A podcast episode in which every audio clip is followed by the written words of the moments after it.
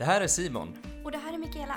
och du är varmt välkommen till Modpodden. Podden som ur ett brett perspektiv ökar kunskap och engagemang om organdonation. I dagens avsnitt träffar vi Daniel Brattgård och pratar med honom om ganska svåra ämnen. Daniel har under stor del av sitt yrkesliv jobbat som sjukhuspräst på Sahlgrenska sjukhuset i Göteborg. I sitt arbete där har han träffat både anhöriga, transplanterade och sjukhuspersonal. Daniel lyfter en rad existentiella frågor som inte alltid är helt enkla. Han berättar bland annat om känslor en del patienter på väntelistan kan uppleva under tiden de väntar.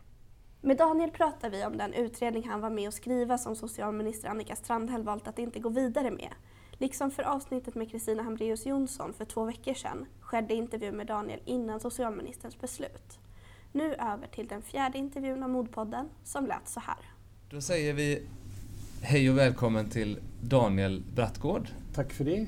Vad kul att ha dig här. Roligt att få vara här, tycker jag.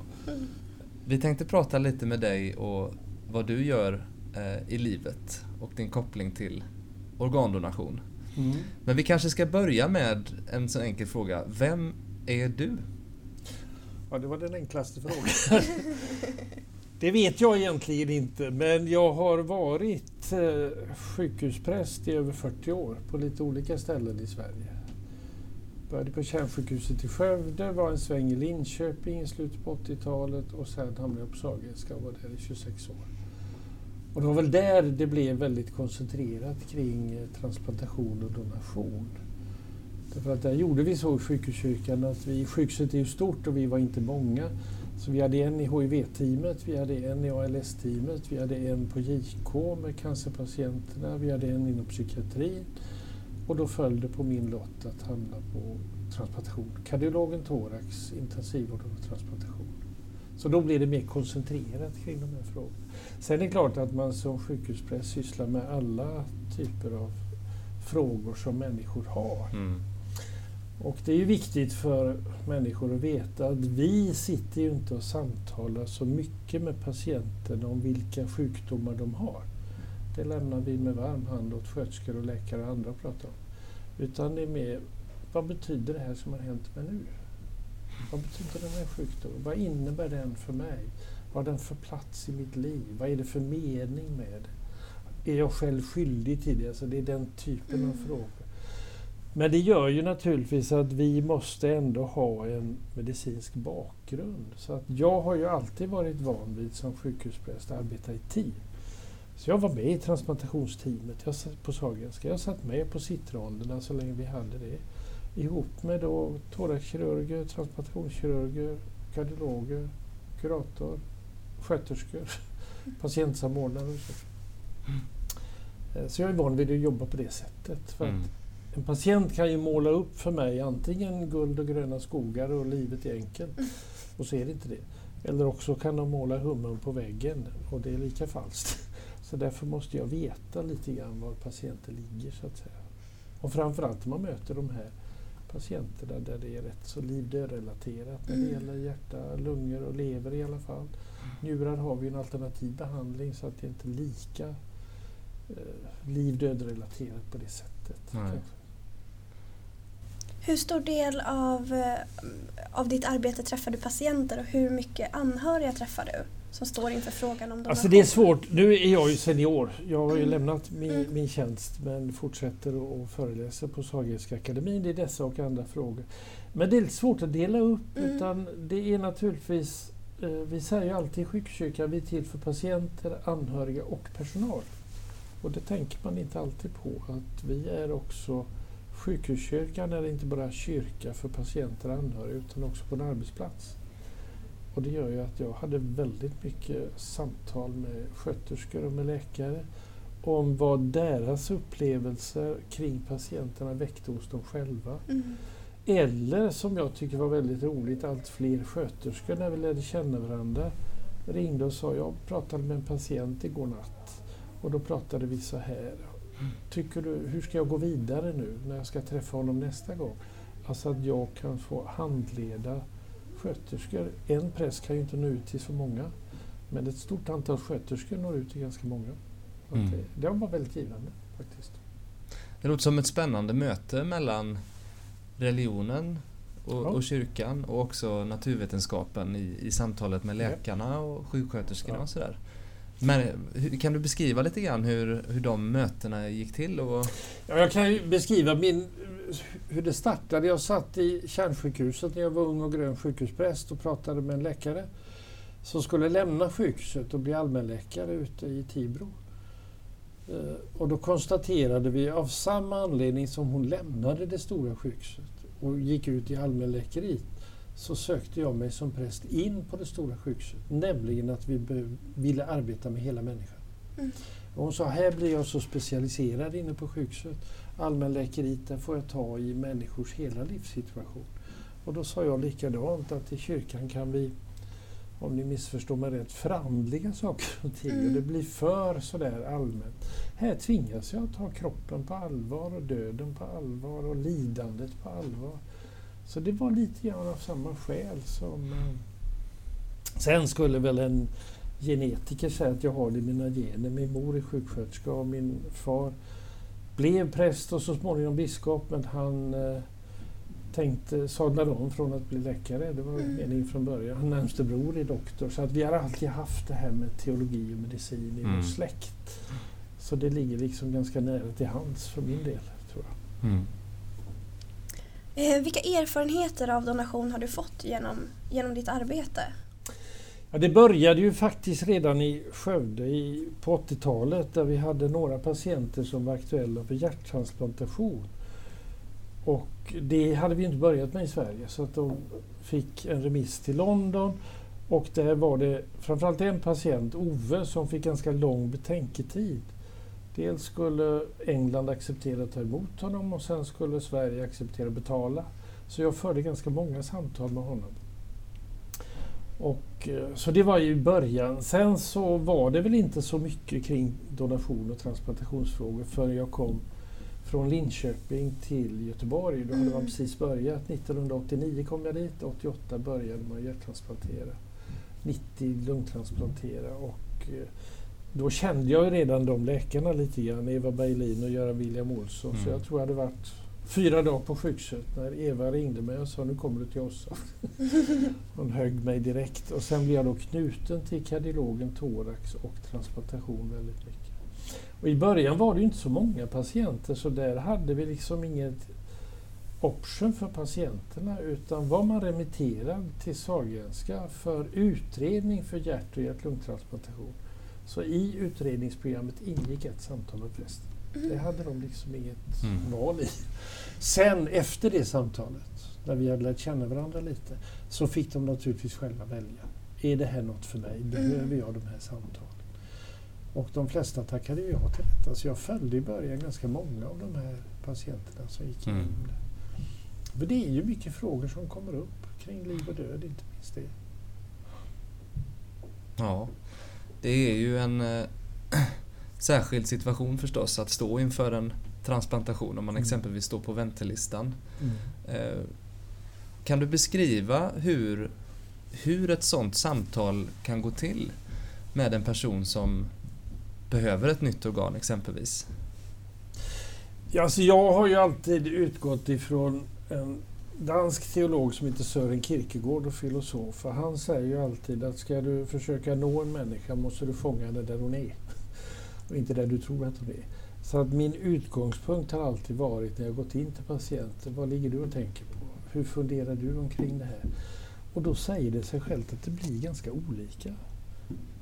För en del människor har den här diagnosen kommit som en blixt från en klar himmel. Mm.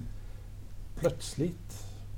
För en, kvinnor ibland i samband med graviditet har det debuterat den här eh, dilaterande kardiomyopati som den heter på finspråk, alltså en form av hjärtsjukdom.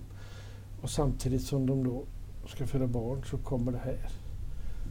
Och eh, det kommer som en total överraskning. För andra har det varit ett långsamt insjuknande. Och de har blivit förberedda lite grann kanske av sin hemdoktor att det slutar nog med att vi måste göra något mer radikalt. Så att det ser väldigt olika ut för människor. Alltså jag har inte funnit genom åren någon sån där... Det är klart, det den helt grundläggande frågan, kommer jag överleva? Det, det är ju liksom det det handlar om. Så det är ju en del dödsångest med i detta.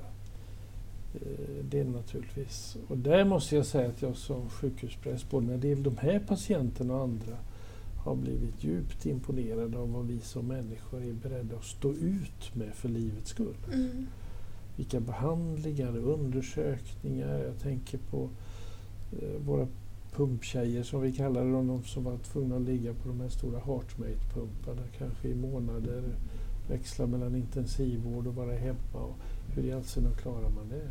Men det gör man faktiskt. Mm. Men det är klart man behöver ett stöd. Mm. Familjen är det viktigaste naturligtvis, personalen och vi som, som står lite bredvid och ändå är inne i det. Jag räknar mig till sjukvårdspersonal också som präst. Mm. Eh, vi kan vara viktiga. Vi kan ge människor nycklar som de själva måste använda sig Ja, just det. En eh, del av de nycklarna förstår vi ju är olika etiska, eller et etik om man, om man pratar verktyg för att och samtala om det här. Mm. Eh, och det är ju någonting som du är jätteduktig på förstås. Ja, det vet jag inte om jag är. Vi har sysslat med det en del. Ja. Men eh, jag återvänder då lite grann till Ove som jag började berätta om. För där lades egentligen i våra samtal med varandra, ska man, hur, hur kan det här komma sig? Kan man acceptera att ha en annan människas hjärta i sin kropp och så? Och vi landade, Ove och jag, från början i tre verb. Och sen tänkte vi att det mesta löste sig. Jag tror ibland krånglar vi till etiken. Det är bra med principer och olika skolor och situationsetik och dygdetik och pliktetik och vad ni vill. Men egentligen så är det ganska enkelt. Vi landade i verben att ta, att ge och att ta emot. Och sen tyckte vi att det mesta löste sig. Att ta något från en annan människa utan att fråga henne, det är stöld. Det är ett brott mot Igos bud som vi har gemensamt med både Mm. judar och muslimer och hinduer och buddister och vilka ni vill. Eh, Så det ska vi inte göra. Däremot, om en människa vill ge mig någonting så kan jag ju ta emot det som en gåva, som en donation. Och jag måste erkänna att i början när jag sysslade med etiken kring organdonation och transplantation så tänkte jag väldigt mycket av respekt för den döda kroppen ska vi inte ta något. Och det tycker jag fortfarande. Mm. Men många års umgänge med många transplanterade patienter har lärt mig att det är lika viktigt för den som tar emot organet. Att man får känna det, framförallt när det gäller de här eh, hjärta, lever och, och lungor, eh, livräddande organen. Så är det viktigt att de får känna, jag lever nu vidare, inte på en annan människas bekostnad, utan tack vare en annan människas generositet. Mm. Och det här har jag varit lite imponerad av. Väldigt konkret. Ett samtal med en hjärttransplanterad ung kvinna.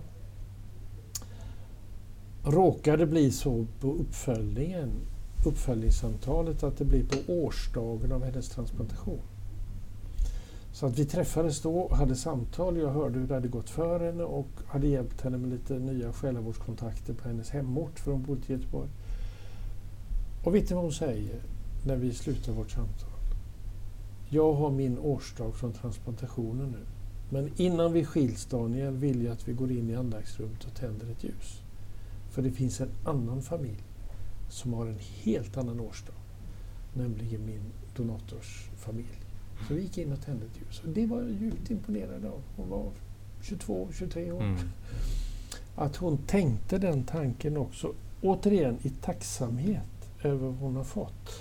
Inte att hon har tagit livet av en annan människa. Sen är det ofrånkomligt att människor som ligger och väntar på livsviktiga organ känner att när man längtar efter att måtte dagen komma då de ringer ifrån transplantation och säger nu är det dags. Så har de lite sådär stygn i bröstet. Mm. Då önskar jag nu livet ur en annan människa. Och det får vi nästan undervisa dem om, att det är inte så att andra människor dör för att du ska leva, Nej. utan ur en annan människas död så kan vi alltså hämta liv. Precis, för det var lite det jag och Simon pratade om igår när Mm. vi förberedde oss lite inför det här. Eh, och tänkte fråga dig om vanliga känslor som, eh, som patienter kan känna efter en transplantation. Om det finns inslag av skuld eller ehm, att man ska prestera? Ja, en, en, en ångest kring att prestera eller att leva så gott, eh, så gott det går. Och... Ja, det ska jag väl inte helt förneka, men det handlar inte om speciellt. Ibland gör vi de här frågorna kring transplantation så speciella. Det gäller ju sjukdomar överhuvudtaget. Om man själv har levt på ett sådant sätt att man har kört slut på sin kropp. Genom att man har druckit för mycket lever, genom att man har haft sex, sju företag i luften och hjärtat orkar inte med det i längden. Och så, va? Då kommer ju ofta de här frågorna, oh, nu, nu får jag dåligt samvete. Och det har jag ju varit tvungen att säga till, inte minst hjärttransplanterade, att det är en lika farlig motor som sex företag i luften. Att ha ett dåligt samvete. Mm. Utan nu ska du ta vara på livet. Nu har du fått livet tillbaka genom en annan människa och genom vad sjukvården kan åstadkomma. Ditt viktigaste sätt att visa tacksamhet, det är att du tar vara på livet. Ta vara på din familj och ta vara på det som är kvar av livet. Inte att du kör på med, med någon slags dåligt samvete, för det är ganska dålig motor i livet att ha mm. dåligt samvete. faktiskt. Eh, hur ser det ut egentligen vad gäller etiken och sådär eh, inom sjukvården? Kan du berätta lite om det? Ja, alltså det bekymmer vi har, och det var ju därför regeringen tillsatte en, en utredning kring organdonation. Det bekymmer vi har är att vi har ett regelverk, en lagstiftning och ett regelverk i sjukvården som släpar efter. Och eh, sen har det alltid varit svårigheter det här med donation och transplantation. Det här syntes ju tydligt 1996 när vi fick en ny lagstiftning om det här. Då kallas den lagen transplantationslag. Den reglerar inte med en bokstav transplantationsverksamheter utan donationsverksamhet. Mm. Den borde heta donationslag istället. För att vi kommer aldrig ifrån det att ska vi ha en stor transplantationsverksamhet så måste vi ha en fungerande donationsverksamhet. Det är liksom förutsättningen för det hela. Men jag tror samtidigt det är viktigt att se detta att ingen människa dör för att andra ska leva genom organdonation. Utan ur det som ändå inträffar kan vi hämta liv till andra människor. Sen är ju inte regelverket riktigt med oss. Och det man har varit väldigt bekymrad över och som jag fortfarande är väldigt bekymrad över det är att man har ett uttryck i sjukvården som man påstår i lagstiftningen, nämligen vi får inte vårda någon för någon annans skull. Just det. Eh, jag har försökt käfta med juristerna. Jag satt själv i den statliga utredningen mm. så jag har käftat med juristerna både på Socialstyrelsen och departementet. Var står det i lagen? Eller var står det i förarbetena? De kan inte peka på det. Men det är vård för någon annans skull och det är väl det som det har gått lite troll i. Det nu, kan det nu finnas en misstanke att man fortsätter att behandla och vårda en patient enbart med tanke på organen? Jag tror inte, min erfarenhet är att det är inte så. Mm. Det man gör för att optimera organen kan aldrig skada en, en svårt sjuk patient. Och därför försökte vi ju, vi lyckades kanske delvis i utredningen. Jag fick inte igenom alla mina etikskrivningar ska jag säga i utredningen. Men vi lyckades väl delvis ändra fokus. Att det handlar inte om att ha en fungerande donationsverksamhet det har vi inte primärt för att transplantationskirurgerna behöver organ. Nu behöver de inte organen, det är svårt sjuka människor som mm. behöver Men de måste passera deras händer för att det ska fungera. Utan det är egentligen av respekt för patientens autonomi och självbestämmande. Att den människa som vill donera sina organ är det enligt min uppfattning så präst jag är sjukvårdens förbaskade skyldighet att se till att de kan donera sina organ. För ni vet och jag vet och många vet att det är inte så många det handlar om. Av de 100 000, 90-100 000 som dör är det kanske 200-300 det handlar om. Och därför är det viktigt att vi tar vara på varje tillfälle. Mm. Och då tycker jag det är viktigt att vi ska respektera den avlidnes vilja. Det gör vi i alla andra sammanhang. Det vet jag som präst. Har en människa sagt i sitt liv, jag vill absolut ha den salmen, jag vill ha jordbegravning, jag vill ha kremation, jag vill att askan strös för vinden jag vill att de är med och så, så gör man nästan allt för att uppfylla detta. Det är en sak man strider om, det är testamentet, den ekonomiska kvarlåtenskapen. Men annars så vill man uppfylla det och då tycker jag det är riktigt att vill 80 procent av svenska folket ungefär Mm. donera sina organ ska vi se till att de kan det. Och då har vi ett regelverk som släpar efter. Att vi har någon slags konstig föreställning om att nu vårdar vi plötsligt för någon annans skull. Och det gör vi egentligen inte utan vi vårdar av respekt för den patienten. Och därför tycker jag det finns tre viktiga etiska argument för att vi ska vara mer aktiva kring organdonation. Föra mer patienter som kan bli donatorer till intensivvården. För det första på grund av patientsäkerhet, för patientens skull. Jag har lärt mig av läkare, jag ska inte föra deras talan, men neurologer och neurokirurger. Du kan möjligtvis ställa en diagnos. Den här människan kanske är hjärndöd på Mm. akuten. Men Mm. du kan inte ge en prognos. Därför ska jag intubera och köra upp till IVA för att få läget under kontroll. Ja. För att se, kan vi möjligtvis rädda denna människa? Det andra är, vi ska inte himla med det, vi har behov av organ. Det är 700-800 på väntelistan. Folk dör på väntelistan. Därför att, och vi kommer aldrig att få organ som täcker behovet. Det ska vi inte himla med. Eh, så det är naturligtvis för deras skull också. Men så är det också för det tredje, faktiskt för anhörigas skull. Att det har visat sig, och det måste jag bekänna som präst, det trodde jag inte på i början.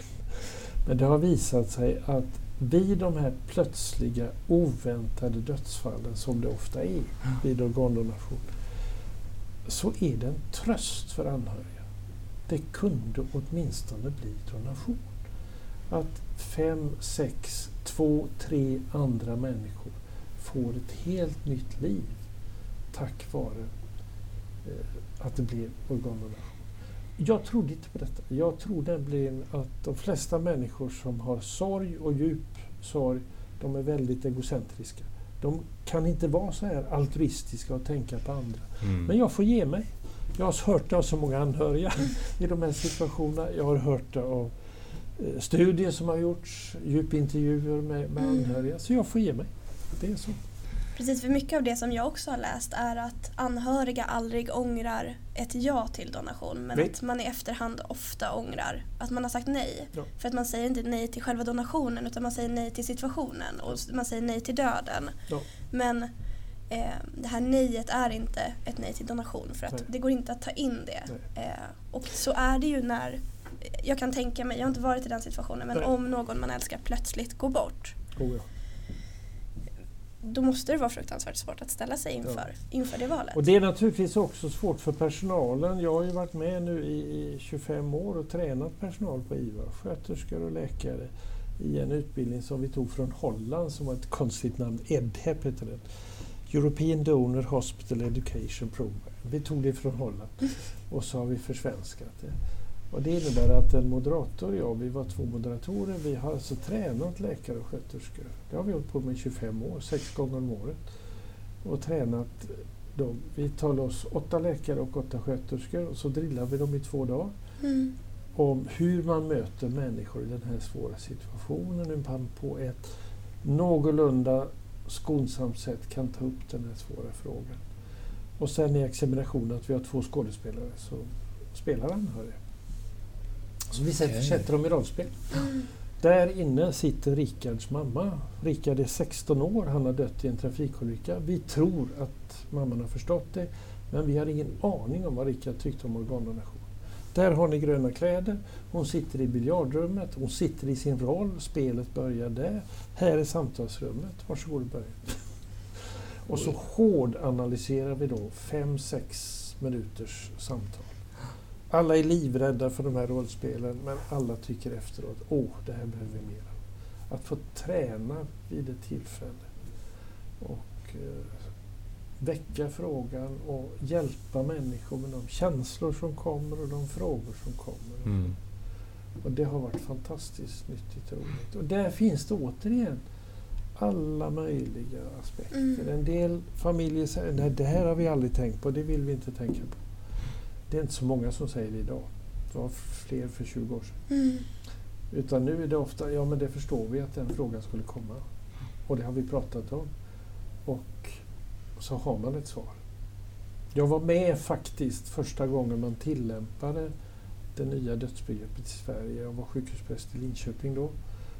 Det kom 1988. På nyårsdagen fick vi in en 45-årig kvinna som hade kastats av hästen Ah. Och blev konstaterad hjärndöd och så skulle frågan komma till familjen. Och läkaren kallade upp mig som präst, mer för sin egen skull tror jag. Mm. Än för, men det blev så att jag var med när han ställde frågan till familjen. Och då säger en av tonåringarna, ja men det vet ni väl, vi satt vid köksbordet för tre veckor sedan och pratade om det här. Då sa mamma så här, jag kan mycket väl tänka mig att donera organ. Sen var den frågan ur världen. Och sen kunde vi ägna oss åt katastrofen, att mamma hade kastats av hästen och dött. Men det här var ingen big deal. Och det är väl därför det är så viktigt och vi tjatar på människor att ta nu ställning i förväg. Meddela dina anhöriga det. Det är det absolut bästa sättet, för de är ju alltid där. Donationskort letar man inte alltid efter. Donationsregistret finns, men det är inte så många som har registrerat sig. Men anhöriga kommer ju alltid dit. Familjen är alltid där. Så det är det helt avgörande. Det är precis det vi pratar om också i, i MOD ju förstås och i vårt arbete att upplysa människor att samtalet med de anhöriga är, är det viktigaste. Ja. Det är det viktigaste. Ehm, och det, det är också skonsamt för de anhöriga om man har för sina anhöriga om man har pratat om det för Visst. att då, då blir det lättare helt enkelt att ta beslut. Ja, men trots att jag har arbetat mycket med de här frågorna, jag har suttit i Statens medicinsk-etiska råd i 18 år där vi har drivit frågor Mm. så är mycket medvetet. Jag har icke haft på mig ett donationskort någon gång. Jag har inte registrerat mig i registret. Varför? Därför att det viktigaste är att jag har pratat med familjen, hustrun och barnen. Att de vet min inställning. Mm. Då blir den respekterad. Det är, det är så. Så är det. Eh, om det är okej så skulle jag vilja backa bandet lite och prata om, för du nämnde att det finns ingen, ingenstans i de stora världsreligionerna så motsätter man sig Nej. att donation är, eh, att det skulle vara något dåligt. Och inte heller kring eh, de stora etiska lärorna. Skulle du kunna berätta lite mer om det?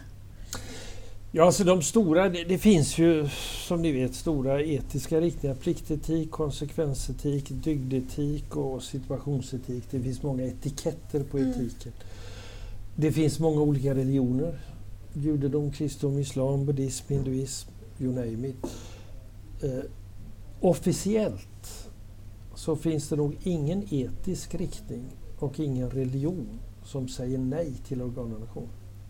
Men, och det är viktigt att säga nästa mening, det finns enskilda etiker, Mm. enskilda religiösa människor som säger nej av etiska och religiösa skäl därför att de tolkar sin egen etik så.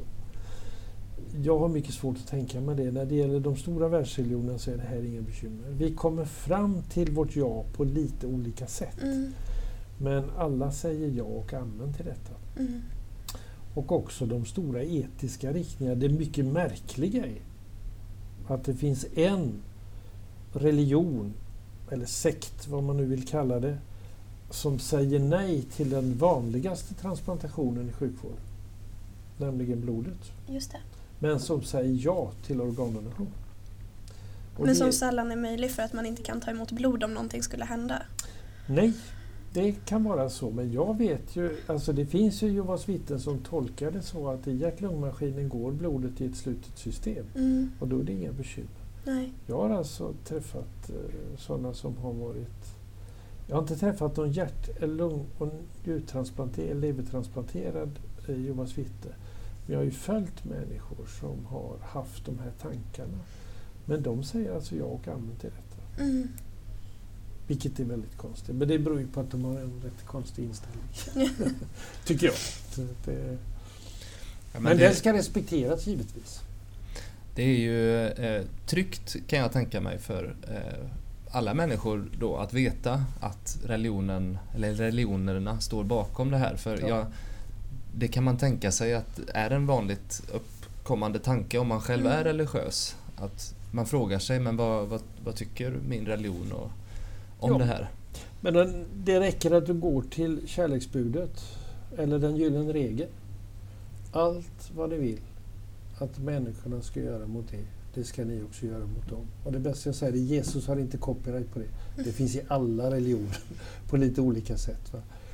Eh, och därför är det väl till och med så, åtminstone tolkar jag min kristna tro på det viset att eh, om jag kan tänka mig att ta emot ett organ så måste jag ju också kunna tänka mig att ge ett organ. Allt vad ni vill att människorna ska göra för er, det ska ni också göra för dem. Sen kommer ju alla de här frågorna om uppståndelsen och allt. Men jag menar, den kropp vi går och bär på, den ska ju förintas på något sätt. Även om inte livet som bor i den förintas.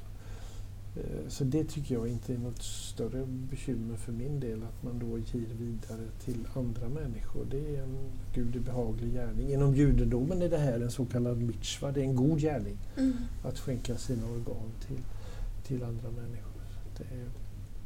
När vi just pratar om, om kroppen, en mm. fråga som jag och, och Mikaela funderade över eh, är hur ofta det händer att människor du möter känner att deras person sitter i exempelvis hjärtat. Mm.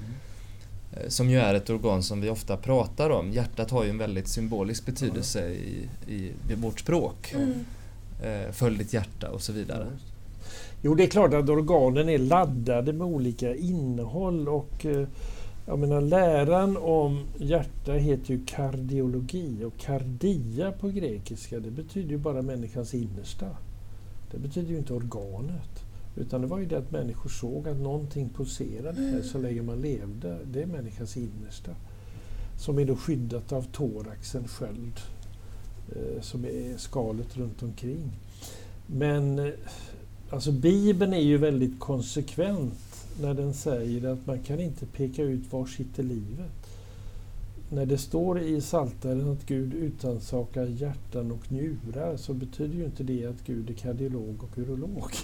Utan att livet ligger innanför organen.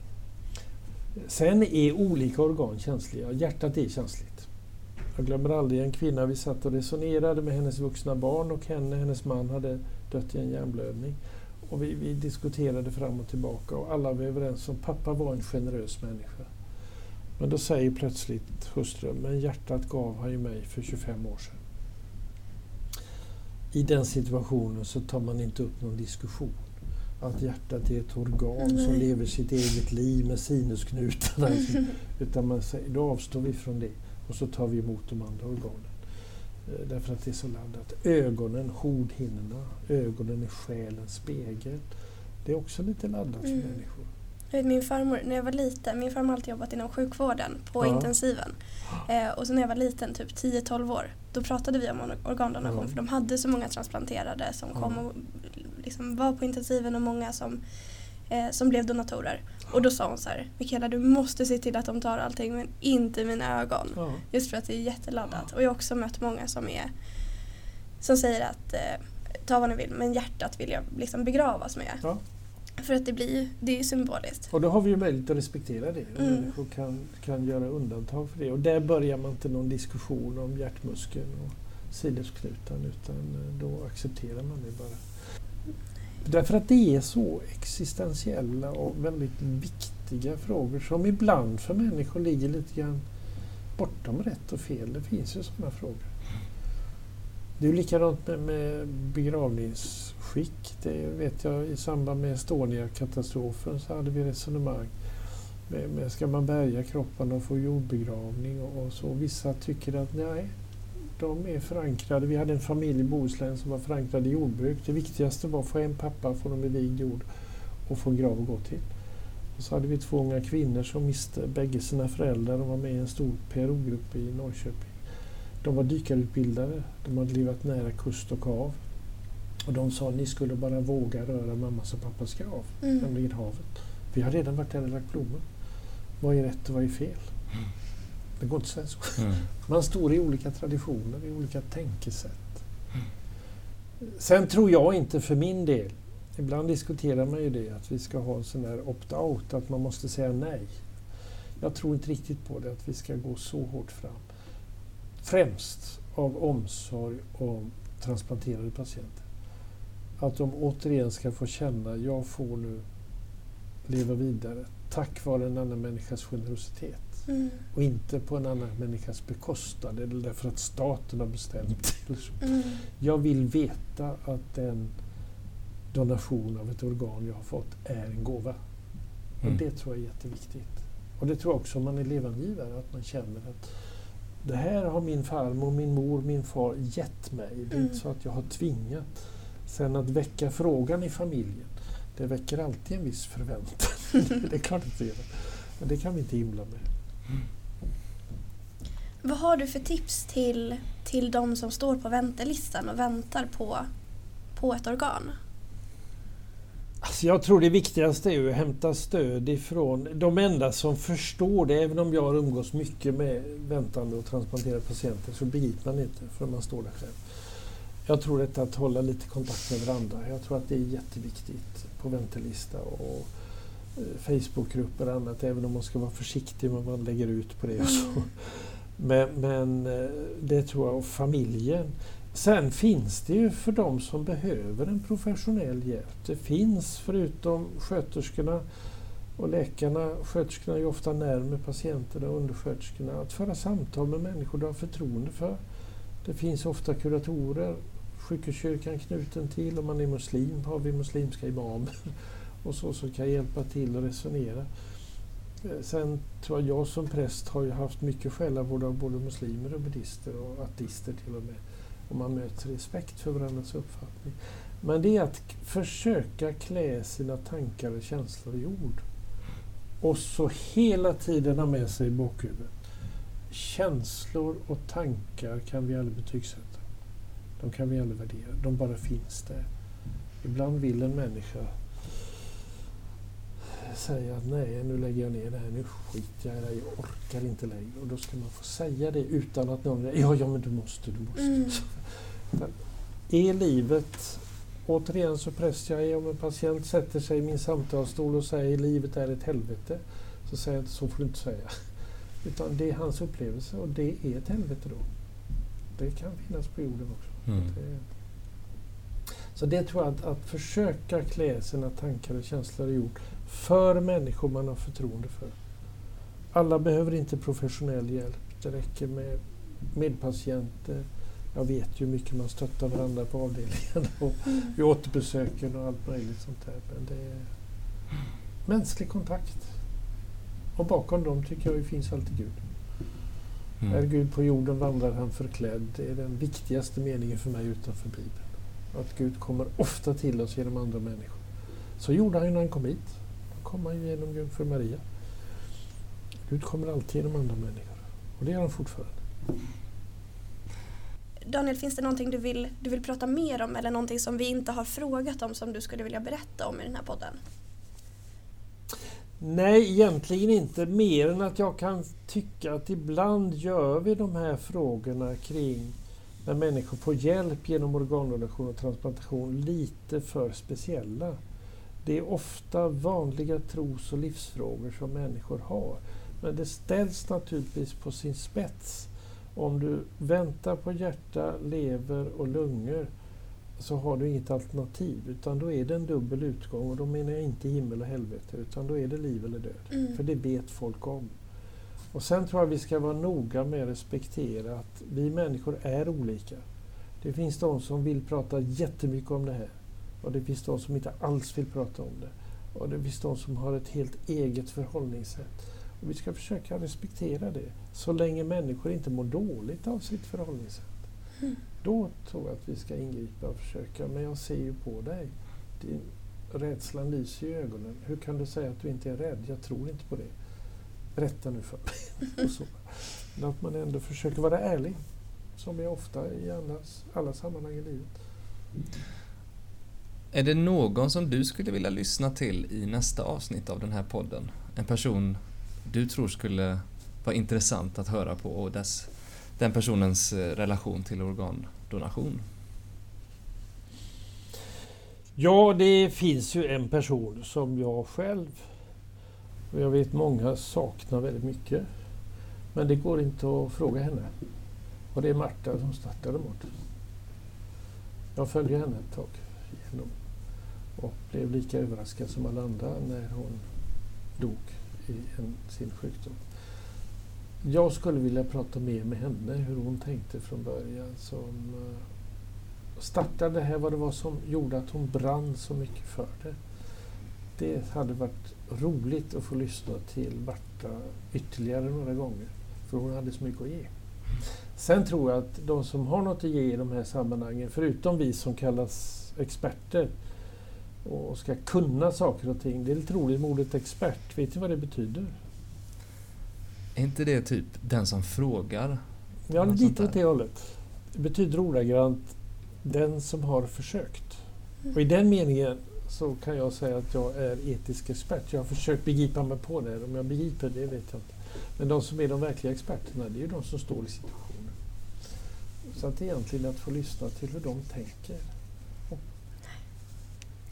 Då tackar vi dig så jättemycket Daniel för att du kom hit ja, och pratade med mig och Mikaela.